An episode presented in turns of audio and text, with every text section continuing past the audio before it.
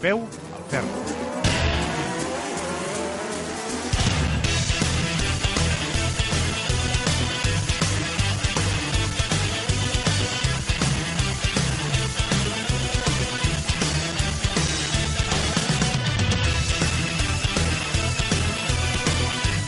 Benvinguts una setmana més a peu al ferro, al magazín de motor en català que arriba avui al programa número 100. 100 programes de motor en quatre temporades, que ens ho havia de dir, i només parlant del que ens agrada, de motor.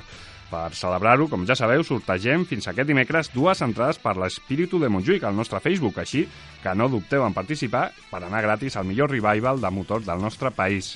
Avui tenim un programa molt ple, amb Rallycross, el Mundial de Superbikes, l'Espíritu de Montjuïc i els nostres amics l'Edu Cots i el Carles Humet, que van fer la Himalayan Challenge i els tenim aquí a l'estudi perquè ens ho expliquin.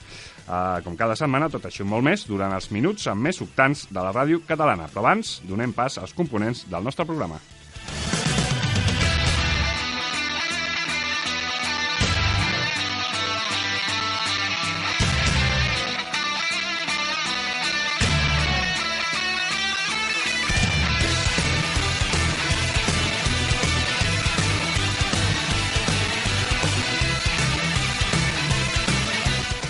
Per, en primera posició avui tenim a la gironina més benzina al cos. I ja la tenim per fi recuperada, és la Patri Trapero. Hola.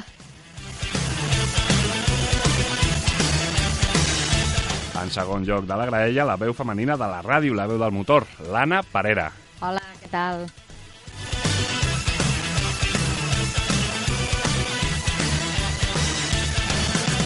L'home de Sant Vicenç de Montal, l'home de motor del Maresme, és el Jorge González. Hola.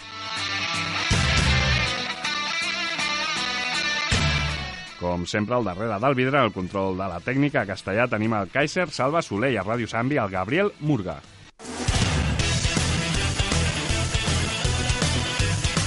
I, com dèiem a l'inici, avui tenim amb nosaltres a dos aventurers de la moto, que no necessiten ja presentació. Són l'Edu Cots i el Carles Humet, coneguts del viatge a Barcelona a Tòquio amb una Impala, la Volta al Colòmbia, de la que ja vam parlar aquí al programa, i ara ens venen a parlar de la Himalayan Challenge. Benvinguts de nou a Peu al Ferro. Gràcies, un plaer estar per aquí. Com sempre, qui us parlarà durant els pròxims minuts de motor, un servidor, l'Albert Sant Andrés, amb molta benzina al cos i amb el peu al ferro.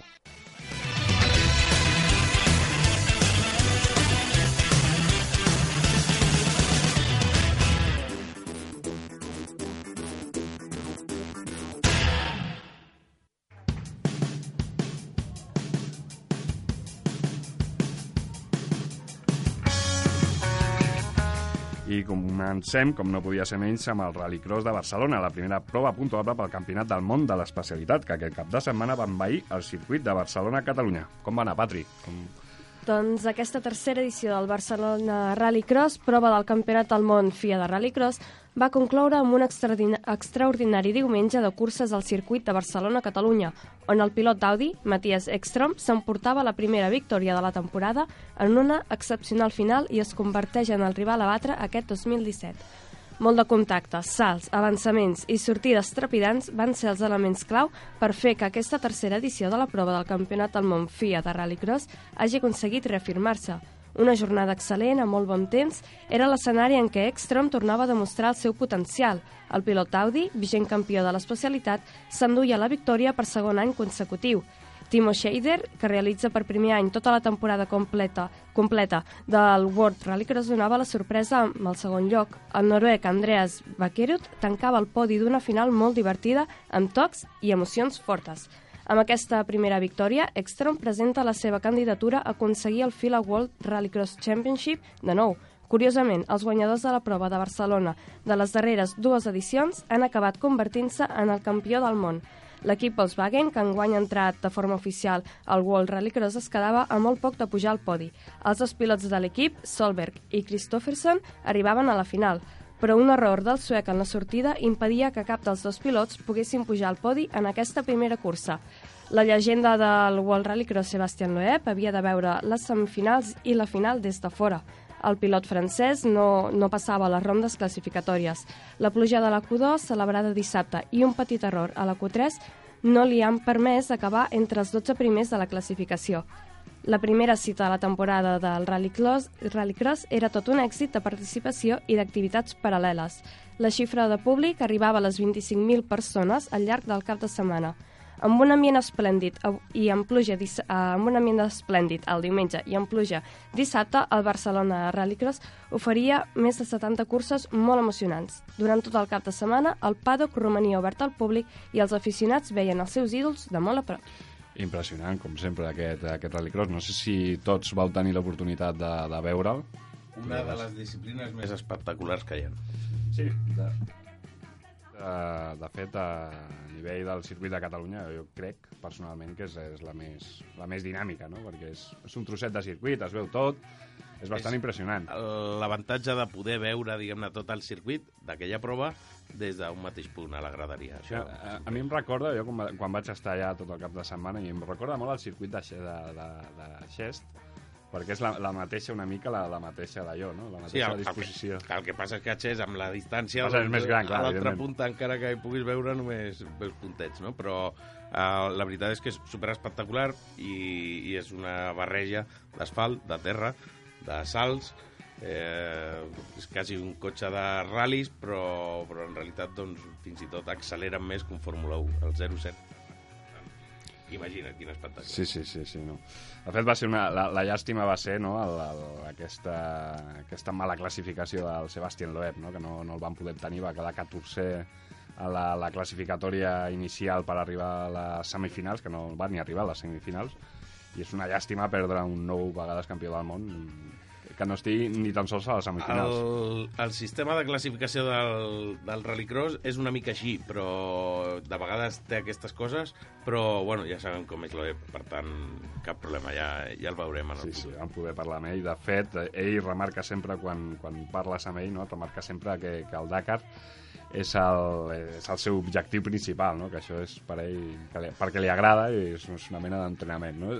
Sembla que sigui una mica el, el, el, el pare no? de l'equip Hansen, de, de, Home, del Tim i del Kevin. És una forma estupenda per, per mantenir-se en forma i per no perdre doncs, a, al volant, com qui diu, no? que les mans estiguin acostumades a tirar de volant.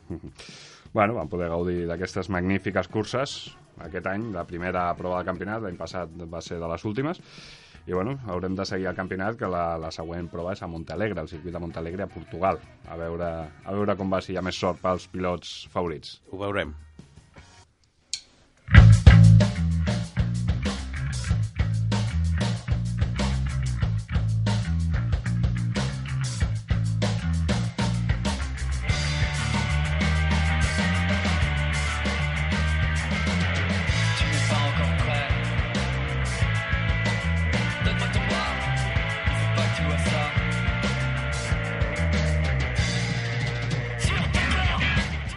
I passem ara a les dues rodes, ja que Motorland Aragó era la seu de la tercera cita de la temporada del Mundial de Superbike, eh, on Jonathan Ray va veure trencada la ratxa de victòries. Tot i així, va aconseguir-ne una més i es consolida com a líder del Mundial, oi, Jorge?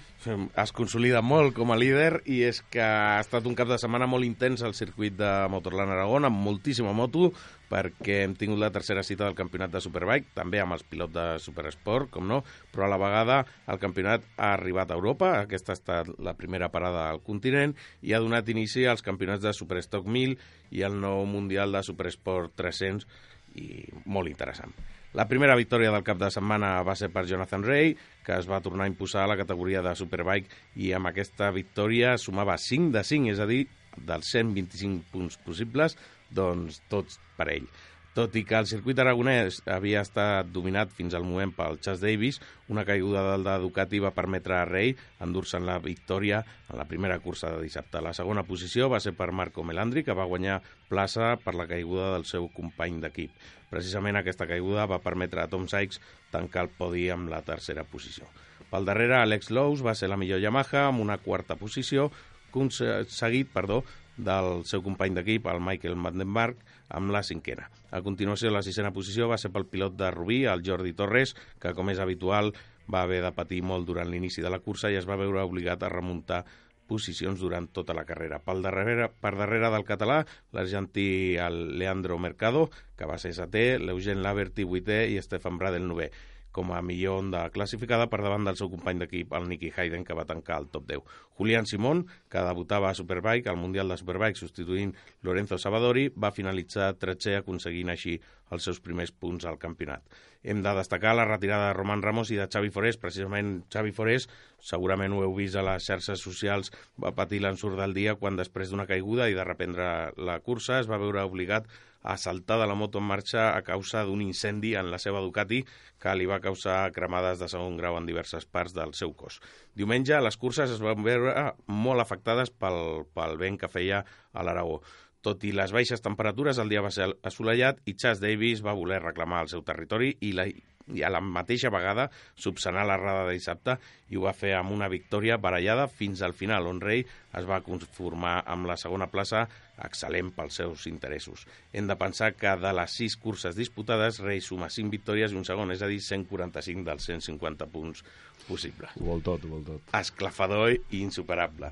El tercer esglaó del podi va ser per Marco Melandri, que demostra que aquest any sembla abonat al podi. La quarta plaça va ser per Tom Sykes, la cinquena per Van der Mark i la sisena per Xavi Forés, que tot i les cremades patides el dia anterior va poder disputar la cursa sense cap problema. A continuació, en setena plaça, Jordi Torres, novament de remuntada, i per darrere seu Leandro Mercado, que va fer vuitè, la Bertí Nové i Leon Camier décim. En aquesta segona cursa, Roman Ramos va signar l'onzena posició, mentre que Julito Simón va sumar un punt en finalitzar a la quinzena plaça. A Supersport, Lucas Maías es van portar la victòria amb Morai segon i Jacobsen tercer. Xavi Cardalús va finalitzar 13 i Nacho Calero ho va fer 18è amb la nota destacada del retorn de Kenan Sufaulu, que el pobre va acabar pel terra quan Carica Sula va caure davant d'ell i no el va poder evitar. A l'Stock 1000 s'ha estrenat aquest any amb victòria de Rinaldi, amb Marino segon i Tamburini tercer, mentre que el Supersport 300 ho ha fet amb triomf de Scott Derú, eh, seguit de Daniel Valle, segon, Mica Pérez, tercer, i Borja Sánchez, quart, mentre que Ana Carrasco es eh, va estrenar el campionat amb la decena posició i la wildcard, Andrea Sibaja, la 24ena. Déu-n'hi-do, quina cursa, no? Doncs molt, Amb molt, el- molt interessant i el naixement d'aquesta nova categoria del Superesport 300 que això està vibrant, eh? és l'1 nou en el món de, la de fet, avui podem demanar una segona opinió, perquè tenim a dos pilots, l'Edu Cots també és un pilot expert, eh, ja, ja el coneixem, no? I li agraden les motos petites, de fet, perquè els viatges que fan les fan amb motos de petita cilindrada. Què us sembla aquesta categoria de, de, de, de 300 centímetres cúbics i aquestes motos que, que, que van sortint ara, perquè el mercat al final també, també està plena. Sí, eh, això ve a ser doncs, un reflexe també del que demana el mercat i veure en acció doncs, aquestes, aquestes motos que, el que dèiem, igual que nosaltres estem acostumats, hem estat acostumats a motos grans, al final quan tens una, una, una moto d'una altra cilindrada, el que fas, eh, i més en aquest cas, doncs, que són totes la mateixa categoria, és eh, apretar-la al màxim i aquesta gent li treu cavalls i finalment és, és divertit. Sí, sí, perquè a més són motos molt divertides, són És petites, divertida, però, sí. però, A més, però és, pesen és poc. l'únic, són... no?, que no importa la moto, la competició sempre és allà la mateixa. La o sigui, mateixa, la mateixa. Sempre és frenar el més tard possible, fer el revolt el El més ràpid possible categories i que és igual que més aviat. to, amb el amb MotoGP, que veus el Moto3 i tot això, que són les curses més, més disputades perquè el pas per curva és tan ràpid que és que eh, guanya el que frena menys i llavors és, és, són molt disputades. Efectivament. I aquesta nova categoria del Supersport 300 no només fa les curses molt disputades, sinó que és una versió moltíssim més econòmica que el que seria una Moto3, que clar, és una màquina molt complexa i molt cara, i la Supersport 300 van molt amb el mercat perquè han sortit ara un munt de models d'aquesta categoria i, i a més a més doncs, tenen aquesta accessibilitat econòmica que permet que el, el ventall de, de pilots que es puguin entrenar amb ella sigui, sigui més gran. Ja el campionat italià havia tingut molt d'èxit a aquesta categoria i ara l'han importat doncs, pel, pel Mundial. Té categoria mundial, eh? tot i que només es corre a Europa. Mhm. De fet, també ho veurem al FinCET Repsol aquesta, aquesta temporada. Hi ha una, una categoria de, de 300, també. Correcte, és que és, ja et dic, és una, és És, una és, categoria és obligatori, ara. que va començar a Itàlia i allà ha triomfat tant que, que l'està adoptant tothom. Mhm. Doncs haurem d'esperar fins a Assen, fins la catedral, per el, del 28 al 30 d'abril, per veure una nova prova de l'europeu. Amb totes les proves. De Sí, sí, l'europeu, exacte, amb de, totes les proves Mundial. plenes, perquè aquestes són les cites europees aquest any que tenim el, el desaparegut eh, de Superbikes de, del FinCEP, que s'ha adherit aquí al, al Mundial. Correcte, De... ara ja no hi ha l'europeu, de fet, un, Exacte. un nom molt conegut de nosaltres, el Maxi Shape, Exacte. sortia segon. Sortia segon a molt poques mil·lèsimes, no s'havia quedat de la pole, i malauradament va caure quan rodava segon i li va donar la victòria al, al Lucas Maia. Doncs esperarem a final de mes, a veure com li va també al Maxi. Molt bé.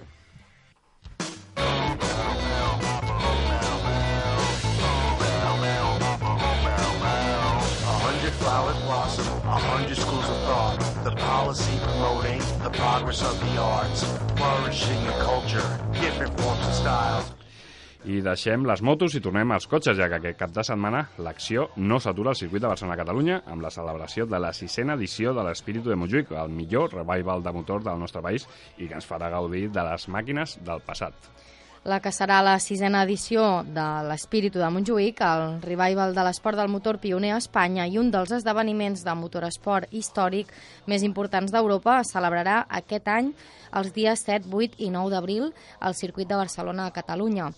L'Espíritu de Montjuïc és més que mai un esdeveniment en el qual tota la família troba el seu punt d'interès amb multitud d'activitats en el paddock i una pista repleta de vehicles històrics de tot tipus, Fórmula 1, sports cars, gran turismes i turismes, eh, tots distribuïts en els millors campionats europeus de cadascuna de les disciplines. Com és lògic, el punt culminant del cap de setmana serà el Gran Premi Espíritu de Montjuïc de Fórmula 1 històrica. En ser la primera carrera de la temporada, es podran veure quins seran els pilots i quins els cotxes que disputaran el 2017 aquest prestigiós certamen, el més important del món de l'especialitat. Aquest any perdran un, prendran perdó, una especial rellevància a les denominades 3 hores de Barcelona Trofeu Javier del Arco que remem- rememoraran les múltiples carreres de resistència amb turismes que van tenir com a marc Montjuïc. També és novetat el campionat holandès de turismes i GT històrics anteriors a 1965, amb cotxes que complementaran els aportats pels campionats de Masters.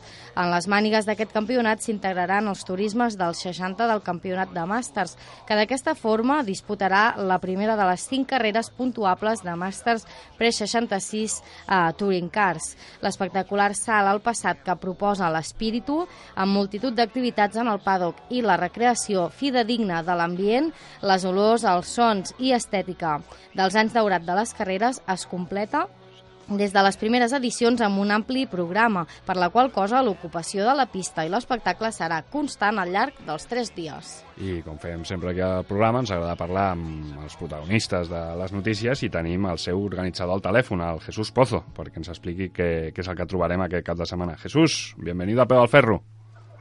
Hola, buenas noches. ¿Qué encontraremos desde este viernes en el circuito de Barcelona-Cataluña? Bueno, pues vosotros lo habéis descrito muy bien. Eso es una parte muy importante del espectáculo, porque Espíritu de Montjuïc es un homenaje a las carreras de aquellos años eh, maravillosos, cuando todo era mucho más sencillo y, y sí, todo era más fácil de hacer.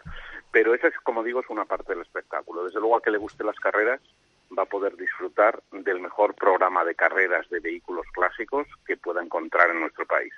La parrilla de Fórmula 1 va a tener casi 30 vehículos, vehículos pues que han corrido a las manos de Fittipaldi, de Piquet, de Senna, o sea, los grandes pilotos han llevado estos coches y van a estar allí compitiendo con sus propietarios actuales.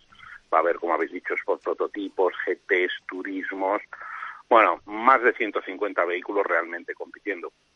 Pero es verdad, y a mí me gusta decirlo, que Espíritu de Montjuïc es mucho más que un fin de semana de carreras.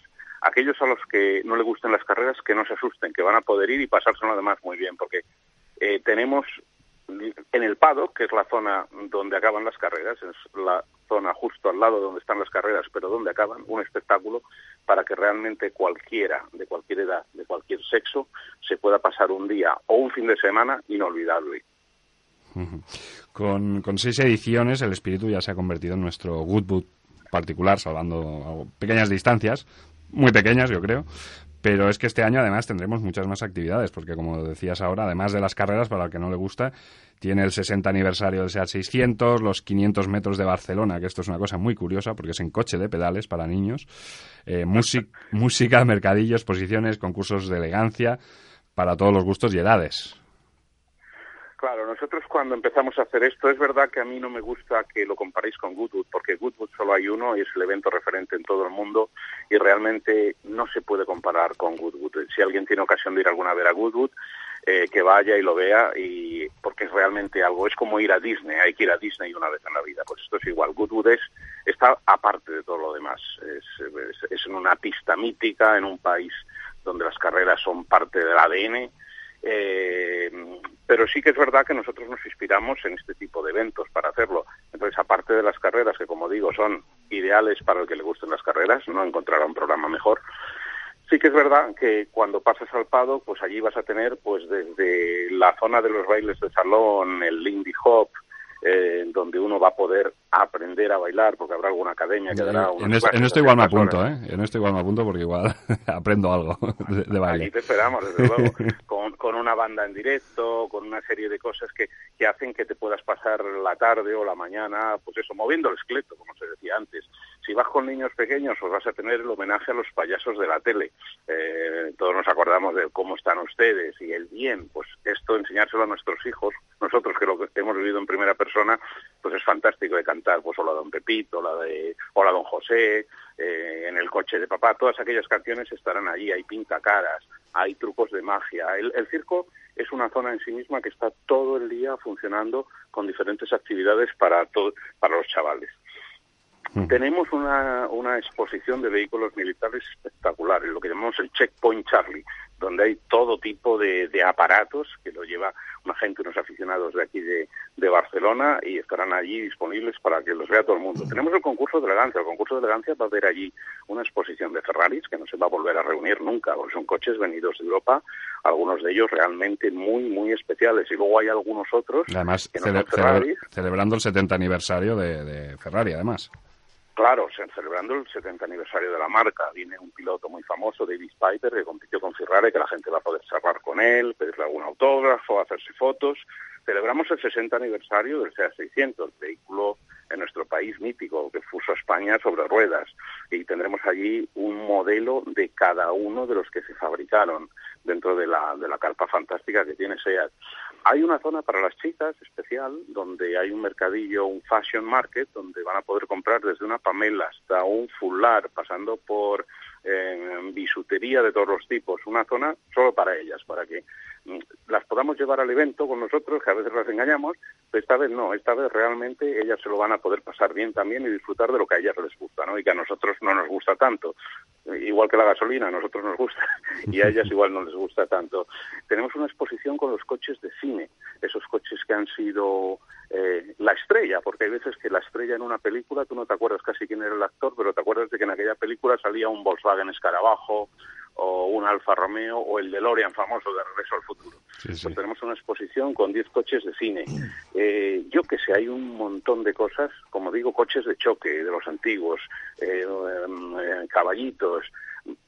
Se me olvida seguro alguna porque es tantas y tantas las cosas en las que uno se puede pasar ese rato en el paddock que realmente, como digo, en, en un día realmente no acabas de verlo todo. Uh -huh realmente no hay excusa, no hay excusa para no ir porque era lo y que luego, explicabas. Sí, mira, se me olvida, que lo has mencionado tú antes, la, la carrera que hacemos por primera vez este año, que son los 500 metros de Barcelona. Sí, los, el coches de pedales. Trofeo, trofeo, un globo, dos globos, tres globos.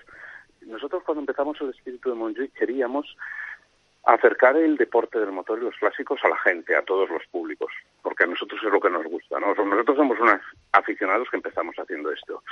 Y como yo veo las caras que se le ponen a los niños cuando ven un Fórmula 1 de estos o cuando algún piloto, porque hay veces que te acercas a ver el Fórmula 1 y al chaval de cuatro años le dices, siéntale, siéntale y sacas una foto y lo sientas allí metido dentro, ¿no? Yo veo las caras que se les ponen. Estos chicos son aficionados para toda la vida.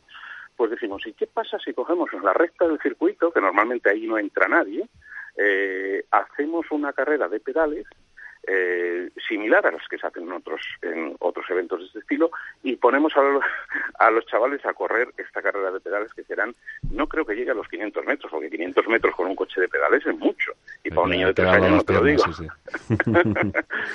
Pero les pondremos allí a correr, les haremos un briefing en la sala de briefing, como se le hace a los pilotos de, de la Fórmula 1, eh, les pondremos a, correr, pedimos que vengan vestidos con, su mono, o por lo menos que parezcan pilotos, y luego les entregaremos el trofeo al ganador y la corona en el mismo podio que lo hacen sus hermanos mayores de la Fórmula 1. O sea que, bueno, yo creo que se lo van a pasar muy bien y se van a divertir de lo lindo. Pues sí, sí, no hay, no hay excusa alguna. Tenemos aquí hoy en el, celebramos el programa 100 de, de Pego al Ferro y tenemos aquí a dos invitados ilustres que además son viejos conocidos tuyos, que es Carla Sumet y Edu Cots. No sé si, si os queréis decir algo. Saludaros por lo menos. Sí. ¿Qué tal? ¿Cómo estamos? Pues estamos nosotros aquí en Capilla, ya con... Ya. eh, acabo- acabamos de salir ahora No, mismo. no, después de circuito, o sea, la retaíla de todos los eventos que se organizan en, un- en, eh, este fin de semana, veo que tienes que estar ya a, a tope. No podemos faltar, Sí. ¿eh? Sí, yo creo que sí, yo creo que es un evento realmente para apoyarlo, porque ya más porque eh, porque es el evento referente que se ha hecho aquí eh, y creo que es lo que digo, al final estamos fomentando la, la afición del futuro. Yo siempre digo que estos años de la Fórmula 1 en televisión ha generado mucho hooligan y los hooligans se deben quedar en el fútbol. En el deporte del motor no hay hooligans, no hay odio contra nadie porque en el fondo todo el mundo que está allí se juega la vida. Y yo esto, cuando yo era pequeño empecé a ver las carreras, esto es lo que yo siempre eh, asumía, ¿no? Y ahora me da mucha tristeza que haya hooligans, ¿no? Eh, y es una de las razones por lo que empezamos esto. Vamos a hacer que la gente se acerque al deporte del motor como es, cercano, que puedan ver cómo es aquello y respetar a todo el mundo. No hace falta odiar a nadie, ¿sabes? Puedes ir con unos. Yo, yo tengo mis favoritos, pero es verdad que no hay que odiar al otro. Está muy bien que los niños aprendan esto. Exacto, precisamente. exacto, sí, sí. Sí, sí, yo creo que esto es vital, yo creo que esto es vital. Y como digo yo cuando veo a los chavales allí, les veo las caras, digo, ostras, ese es un aficionado para toda la vida, ¿sabes? Porque De- los, los ves. De hecho, este es, este es un credo que nosotros defendemos mucho en este programa, ¿no? Y esta, este fin de semana, precisamente, pudimos ver una imagen como esta. Yo, precisamente, me, me pilló delante, que fue cuando un coche del Rallycross se, se quemó y cómo paró el, el otro piloto que entraba al box, paró para ayudarle a apagar el fuego del coche. Estas imágenes que solo se ven en el deporte de motor, porque al final en el resto de deportes es más difícil verlas, en algunos sí que se ven, pero principalmente en el fútbol no estamos, desgraciadamente, muy acostumbrados a verla.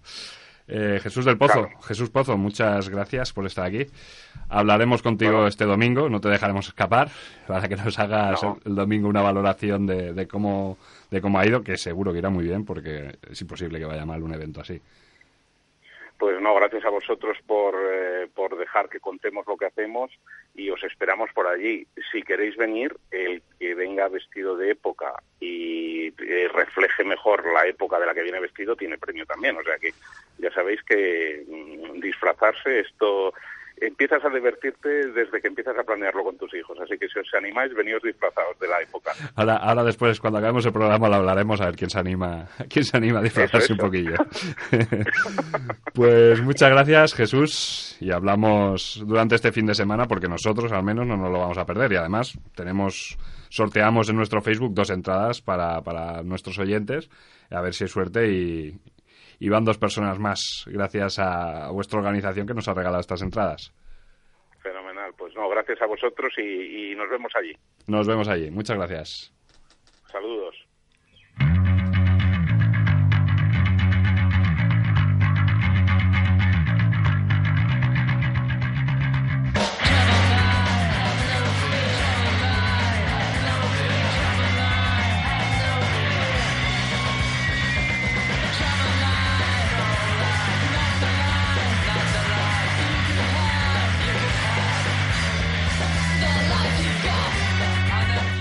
I ara sí, arribem al punt culminal del programa perquè ja tenim aquí els nostres convidats des de l'inici i és un luxe tenir el Carles Sumet i l'Edu Cots que ens explicaran la seva última aventura, aquesta vegada a l'Índia. Els dos, és que no, no, els hi cal, no els hi cal presentació perquè són coneguts per, per haver fet el 2013 la Barcelona-Tòquio per celebrar el 50è aniversari de la Montesa Impala amb ni més ni menys que 22.000 quilòmetres a sobre d'un Impala. A poc després, eh, l'any 2015, van fer amb la marca colombiana AKT eh, la volta a Colòmbia, a 5.300 quilòmetres, i aquest final de l'any 2016, com ja ens van explicar que farien, es van aventurar amb una Royal Enfield Himalayan a l'Índia. Benvinguts de nou. I expliqueu-nos, expliqueu-nos perquè aquesta aventura també s'ha de conèixer. eh?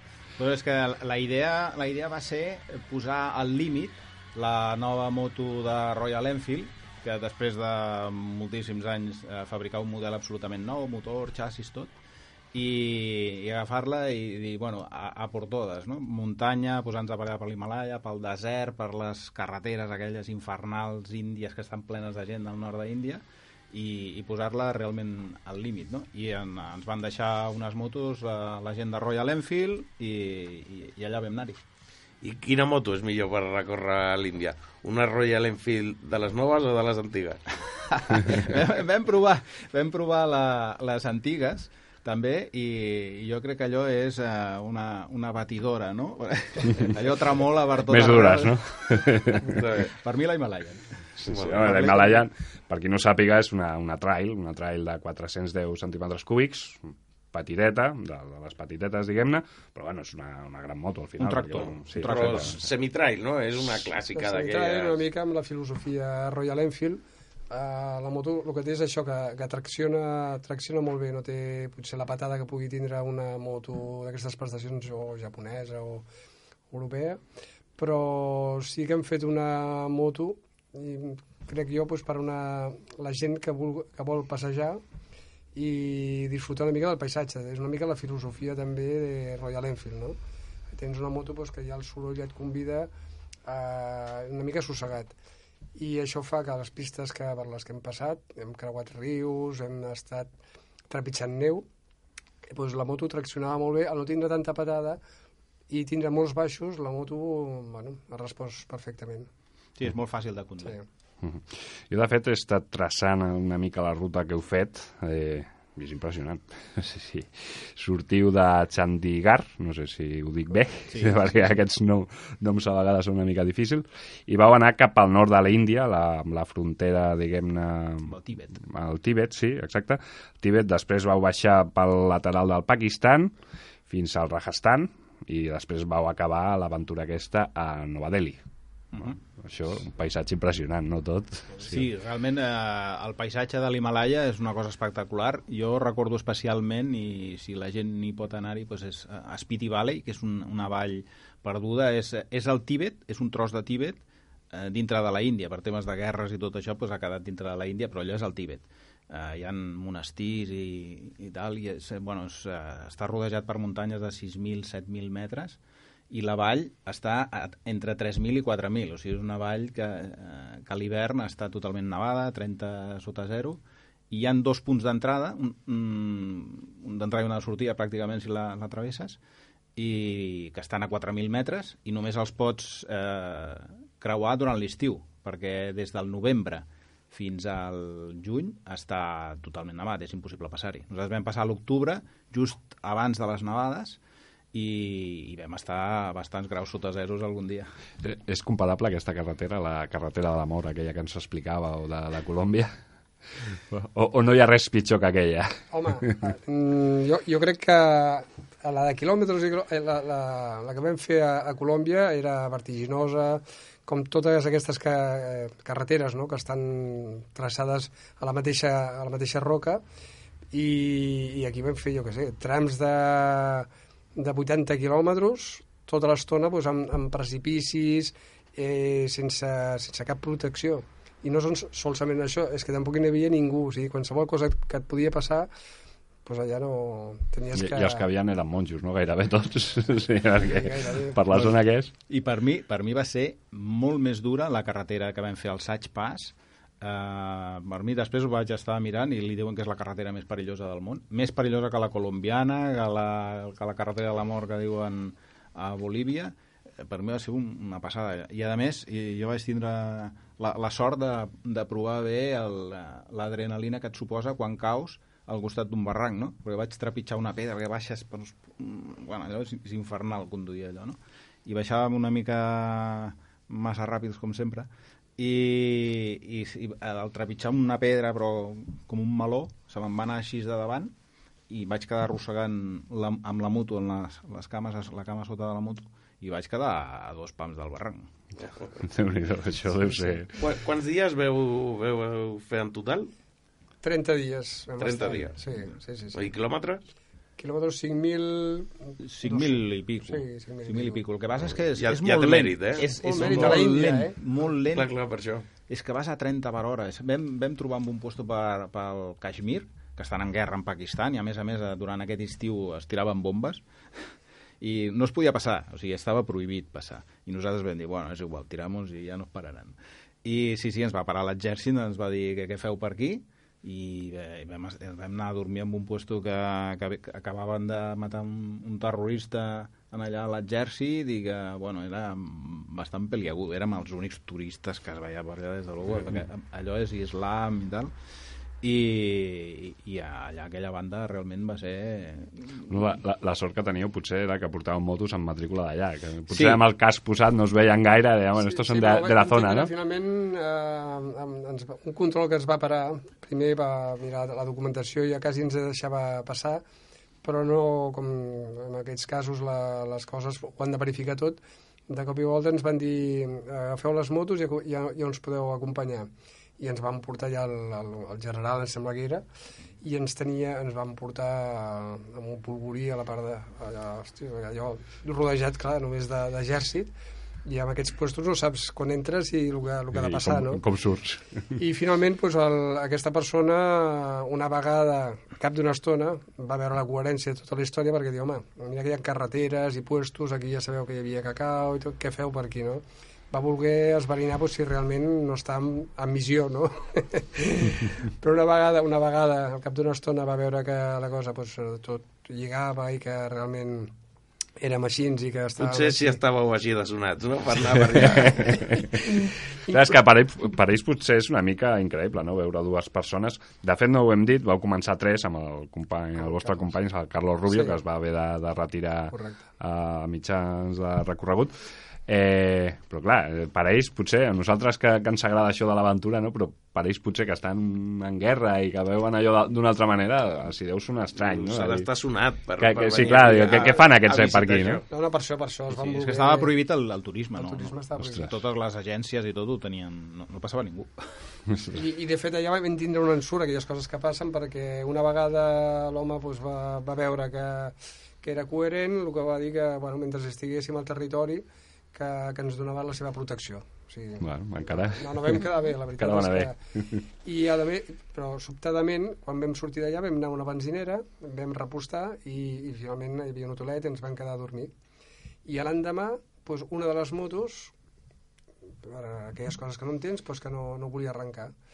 I bueno, aquí va ser, va ser una pel·lícula, perquè en un puesto que a més volíem passar desapercebuts totalment, vam, ens va passar el pitjor, o sigui que la moto no es posava en marxa i que tota lògica de, pròpia dels mecànics d'aquí i d'allà i tal no tenien capacitat per, per posar-la en marxa i al final, sobtadament, canviant ja de mecànics, com allò de metges, que dius, bueno, una solució, perquè ja... Després de 4 o 5 hores. Després de 4 o 5 hores, va resultar un, aquells ensurts també, que ja no saps perquè per la lògica no sortia, que a una de les motos li havien posat gasoil. Ostres. Ostres. Però és molt estrany perquè les motos les repostava sempre eh, els d'allà, i a més en una sola factura. Llavors, si pares al, al costat d'un sortidor és, va ser molt estrany. I clar, és una cosa que en cap moment nosaltres podíem pensar, no? Ja. I, i no vam atinar, vam cam, intercanviar els carburadors, bueno, històries i, i, i desventures. Per, per escriure un llibre, no? Sí, va, sí, ser, sí. va ser una cosa molt interessant també eh, que quan puges amb alçada i et quedes eh, bueno, que la moto no funciona perquè no hi ha, no hi ha oxigen i llavors amb, amb l'Edu, la meva, la que funcionava pitjor, era impossible. Ja estàvem a 4.800 metres i és que no, no podia ni en primera. I, i l'Edu em diu, escolta'm, per què no proves de tancar l'aixeta de la benzina, que anar, anar amb carburador, i perquè entri menys benzina i així la barreja amb, amb l'oxigen, doncs potser serà millor.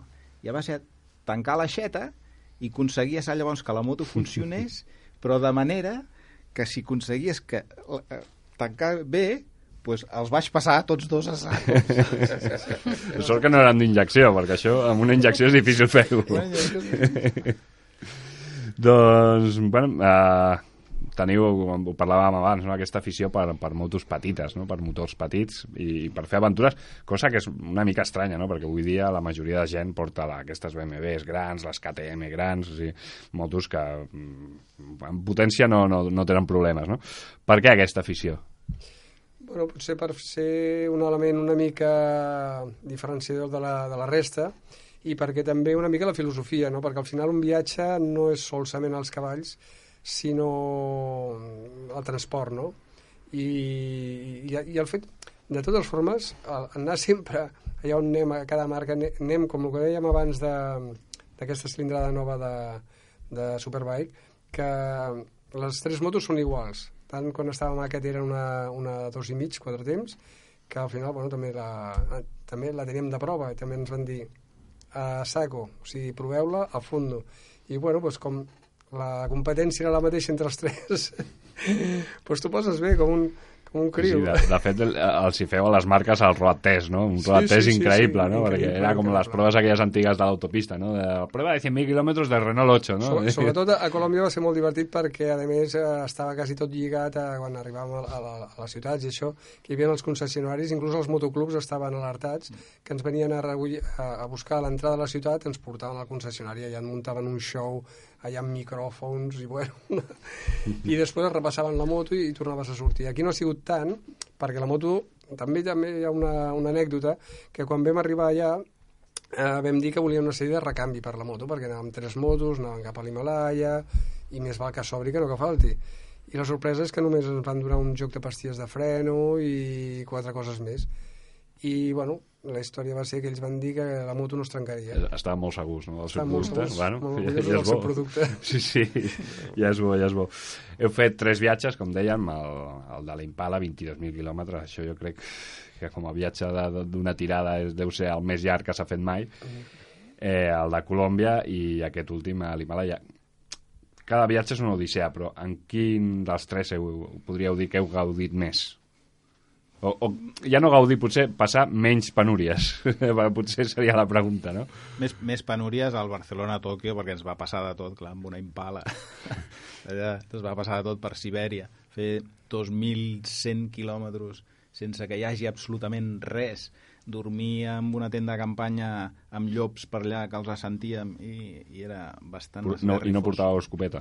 No, no, estàvem absolutament sols, però sols, plovent, mosquits per tot arreu, els llops que els senties, estaves dintre la tenda i, bueno, aquí, no, allò que... Vam, intentant ence dormir. vam encendre un foc, allà no es podia, en el sentit que la, vam agafar llenya mullada i vam aconseguir encendre foc perquè dius, aquí, aquí la que es faci fosc, amb el soroll el que estàvem sentint i no podíem tirar endavant, i vam encendre foc, eh?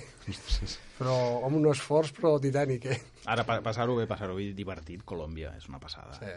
Allò és, que és, és que són gent molt divertida i el paisatge és espectacular, hi ha poc turisme, perquè com han tingut la guerra aquesta durant 50 anys, les guerrilles i tal, i vam estar, per cert, on hi ha hagut el, l'allavissament aquest, a Mocoa, vam estar allà, una gent meravellosa, i ara li comentava amb l'Edo, vam estar passejant a més per la selva aquella, comença la selva de l'Amazones, allà uns rius i tal, i, ostres, et sap molt greu perquè és una gent humil, eh, que, que a més a més està molt abandonada, que arribes allà i et diuen, "Ostres, un turista, tu, què és esto? I, i jo crec que allò despegarà amb el turisme, és un país recomanable. Mm. I ara que no s'escolta ningú, quina serà la vostra pròxima aventura? I no em diu que cap perquè no m'ho crec. Alguna cosa hi ha, alguna cosa hi ha, però encara estem valorant, sempre anem tantejant diferents opcions i, i, i moltes vegades també bé perquè després parlant amb alguna, dintre les expectatives, parlant amb alguna marca, com ha sigut el cas, per exemple, amb l'Himalayan, en principi la idea pròpia era, era agafar la, la moto antiga, la, la Bullet, la- l'antiga, i anar a fer aquest, recor aquest recorregut. Però després parlant amb l'importador, vam dir la idea de que volíem fer això, que a veure si ens podien ajudar una mica, i va coincidir que en aquell moment eh, ells tenien la, en promoció, o sigui, per, de llançament la, la Himalayan, que a més ha posat un tanau, o sigui, va començar a lligar tot, vam arribar allà i tot van ser fac facilitats, i, i la veritat és que ens ho hem passat molt bé. De fet, hem, hem, ens hem creuat amb gent amb aquest tipus de moto antiga i també arribaven, però clar, amb unes condicions, a més el ritme que portàvem nosaltres, eh, vam coincidir una, una etapa amb el, amb el rai de, de l'Himalaya i amb cotxes i motos, amb, ells ja, ja tornaven en sentit contrari, i, però bueno, la pista estava, us, imagineu, us podeu imaginar, com el Dakar, quan ha passat tota la trup, vam tindre que passar variant dels amb els camions, no? Himalayas, sí. Però bueno, va, va, va, estar, va estar molt bé. I per eliminació seria Àfrica, no, ja? Que és el que us queda, potser. Uh, hi ha...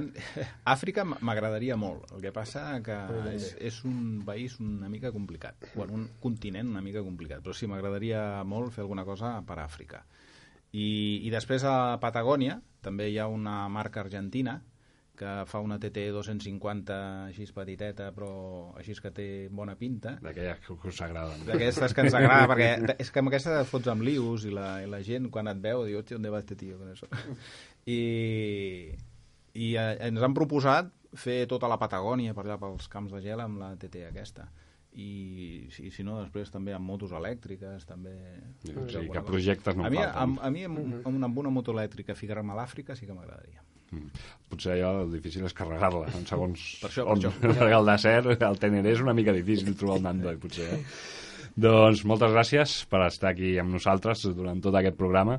Estaríem parlant tota la nit, perquè els, els quatre que estem aquí ens, som enamorats de les motos, o sigui que, No, que hi ha anècdotes, si vas eh, pensant, sempre Eh, surten. potser haureu de venir un altre, un altre dia i fer un programa especial per, per parlar de tot això, perquè Déu-n'hi-do, déu nhi déu Una, una pregunta final. Quina seria la moto ideal per vosaltres per anar d'aventura?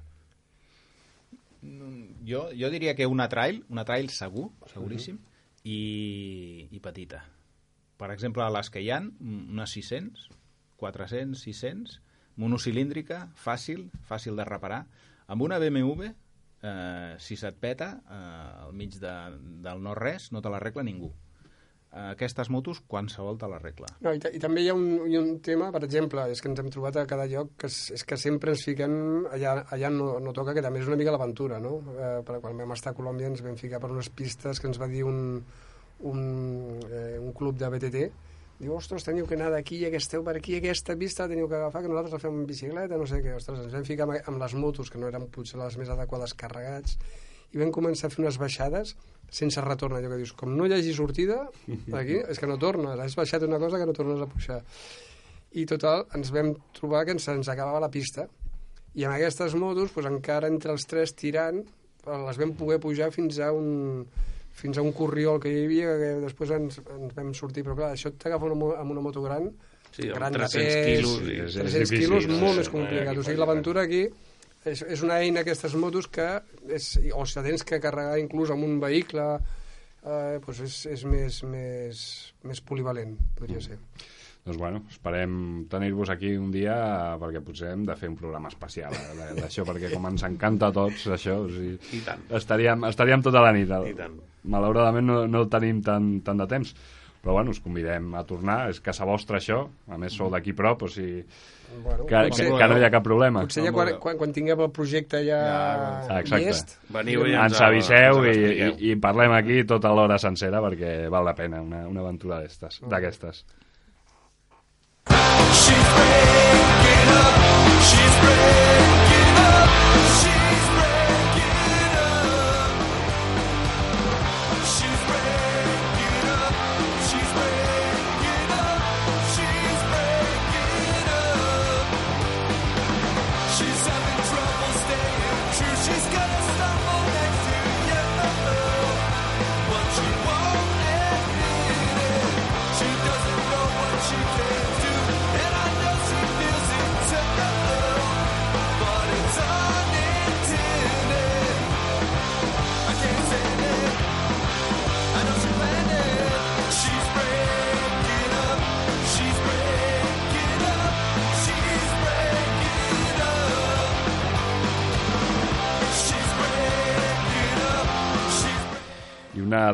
Sorpreses d'avui que, que esperàvem al programa 100 de Peu Ferro era la presentació de la nova secció del programa, una secció amb la que comptem amb l'ajuda dels millors experts del món del motor.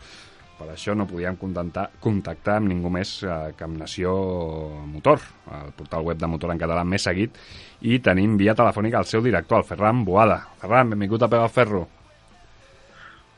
Bon dia, Albert. Moltes gràcies. eh, molt aviat eh, començarem aquesta secció que hem anomenat el racó de Nació Motor què podran trobar els, no, els nostres oients en aquesta nova secció? Què hi trobarem? Què us portarem? Doncs us portarem totes les novetats del món del motor, totes les proves, tota l'actualitat, totes les novetats, consells de conducció, tot allò que sigui del, del vostre interès. I bé, comencem ja aquesta setmana amb una prova de, de campanetes. Fem una comparativa sub amb la que hi participaràs directament. Sí, serem, i serem allà per, per provar aquests subs, aquests que a vegades no hem parlat gaire bé aquí al programa dels subs, eh? no som gaire partidaris, però tindrem l'oportunitat de provar-los i, i, i d'explicar realment com, com són. Jo també soc un gran defensor, però bé, bé, tots els cotxes tenen les seves virtuts i tots els cotxes tenen un públic i ja també com puguem. A més, a més de Nació Motor, sou experts també en motos, que és el que realment ens agrada aquí. De fet, tenim aquí al programa a dos motoristes experts, a l'Edu Cotxe i al Carles Humet. Uh, també, bueno, amb el mític, perquè ja és mític, el Josep Jaume i el canal web a Motos per Mil i el programa de Garage TV que, que feu. O sigui que també ens parlareu de motos i, i de les aventures de, del Jaume. També, també us portarem motos, moltes motos, perquè en toquem moltes. Com bé dius, el, el meu soci, en Josep, ell es fa més, uh, més càrrec de tot el tema de, de motos i bé, són moltes les motos que toca i les aventures que diuen el, amb el nostre programa, no? Motos por Mil, i que són continguts que també, òbviament, traslladem després a, a Nació Motor i que també us traslladarem a, a tots vosaltres. I a més és que no, o sigui, amb aquesta simbiosis no, no, hi haurà, no hi haurà problema perquè ningú podrà dir que no escolta peu al ferro perquè s'ho podran descarregar de, de nacionomotor.cat i ningú podrà dir que no pot llegir Nació Motor perquè compartirem els continguts a, a xarxes i, i al programa. Ah, exactament, a partir d'aquí molt poquet, els de tecnologia ens ho estan preparant, tindrem el podcast del programa perquè tothom se'l pugui descarregar.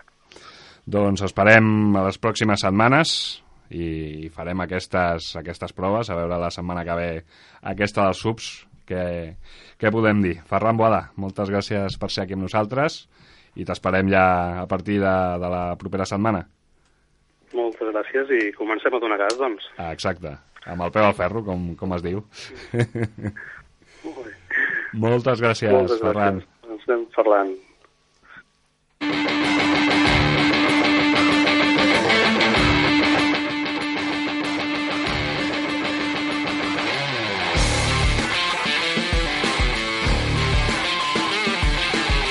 I molt ràpidament, perquè ens quedem sense temps, els nostres veus, que ens porta el Jorge. Simplement els titulars, l'Àlex Palou s'ha estrenat a la F3 japonesa i ho ha fet amb victòria. El Pepe Oriola ha guanyat amb el seu Seat León eh, la cursa de les de les sèries TSR. El, aquest cap de setmana hem tingut Fórmula E a Mèxic, a l'Autòdromo Hermanos Rodríguez, i Toni Bou ha tornat a fer un títol més aquest eh, de X-Trial d'interior, ja en té 21 en total. 21 títols, eh? Ah, Sembla, això sembla és- fàcil, eh? 11 de, de trial indoor, 10 de, de trial outdoor, i, i espera't. I Jo no sé si hi ha encara- cap altre esport, algun esportista amb 21 títols mundials. És difícil, és difícil. Insuperable. És molt difícil.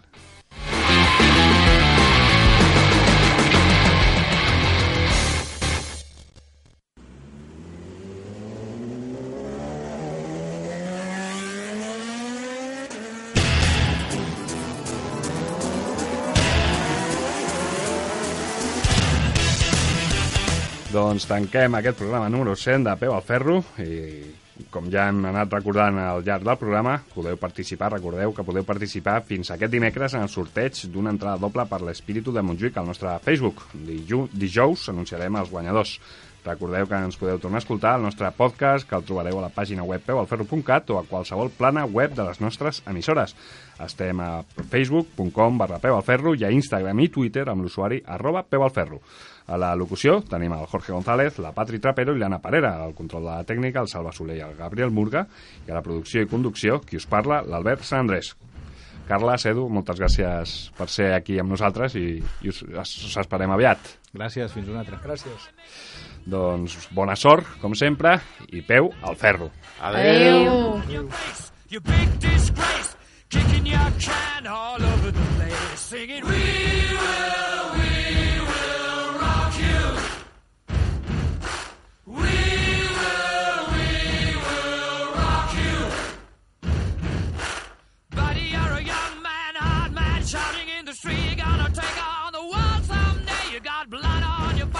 A big disgrace, waving your banner all over the place. We will, we will rock you. Sing it out. We will, we will rock you.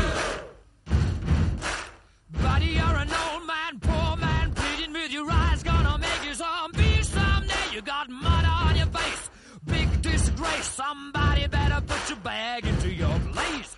We will,